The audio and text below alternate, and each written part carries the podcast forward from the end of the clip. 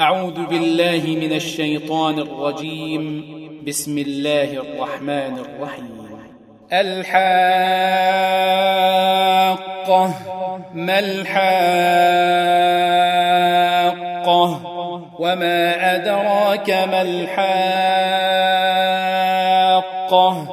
كذبت ثمود وعاد بالقارعة.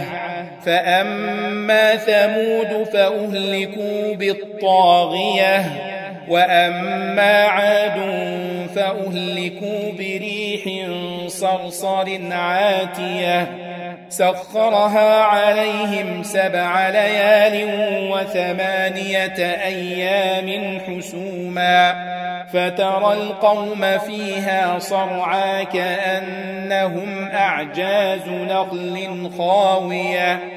فهل ترى لهم من باقية؟ وجاء فرعون ومن قبله والمؤتفكات بالخاطئة. فعصوا رسول ربهم فأخذهم أخذة رابية. أنا لما طغى الماء حملناكم في الجاريه لنجعلها لكم تذكرة وتعيها أذن واعية فإذا نفخ في الصور نفخة واحدة وحملت الأرض والجبال فدكتا دكة واحدة فيومئذ وقعت الواقعة وانشقت السماء فهي يومئذ واهية والملك على أرجائها ويحمل عرش ربك فوقهم يومئذ ثمانية يومئذ تعرضون لا تخفى منكم خافية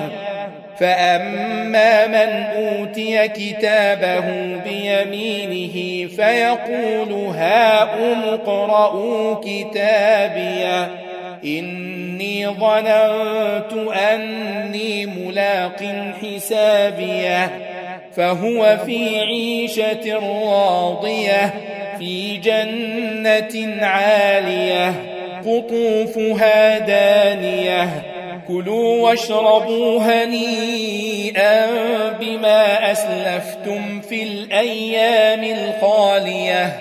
وأما من أوتي كتابه بشماله فيقول يا ليتني لم أوت كتابيه ولم أدر ما حسابيه. يا ليتها كانت القاضية. ما أغنى عني ماليه. هلك عني سلطانيه خذوه فغلوه ثم الجحيم صلوه ثم في سلسلة ذرعها سبعون ذراعا فاسلكوه إنه كان لا يؤمن بالله العظيم ولا يحض على طعام المسكين. فليس له اليوم هاهنا حميم ولا طعام إلا من غسلين لا يأكله إلا الخاطئون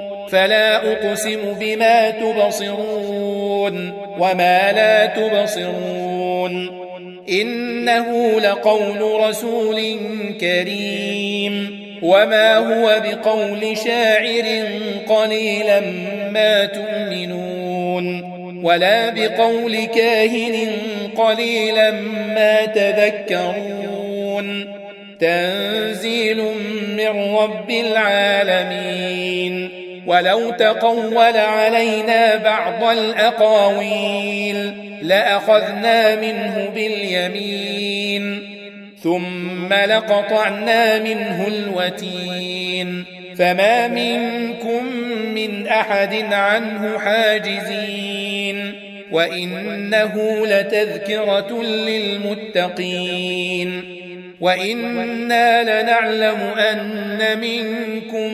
مكذبين وإنه لحسرة على الكافرين وإنه لحق اليقين.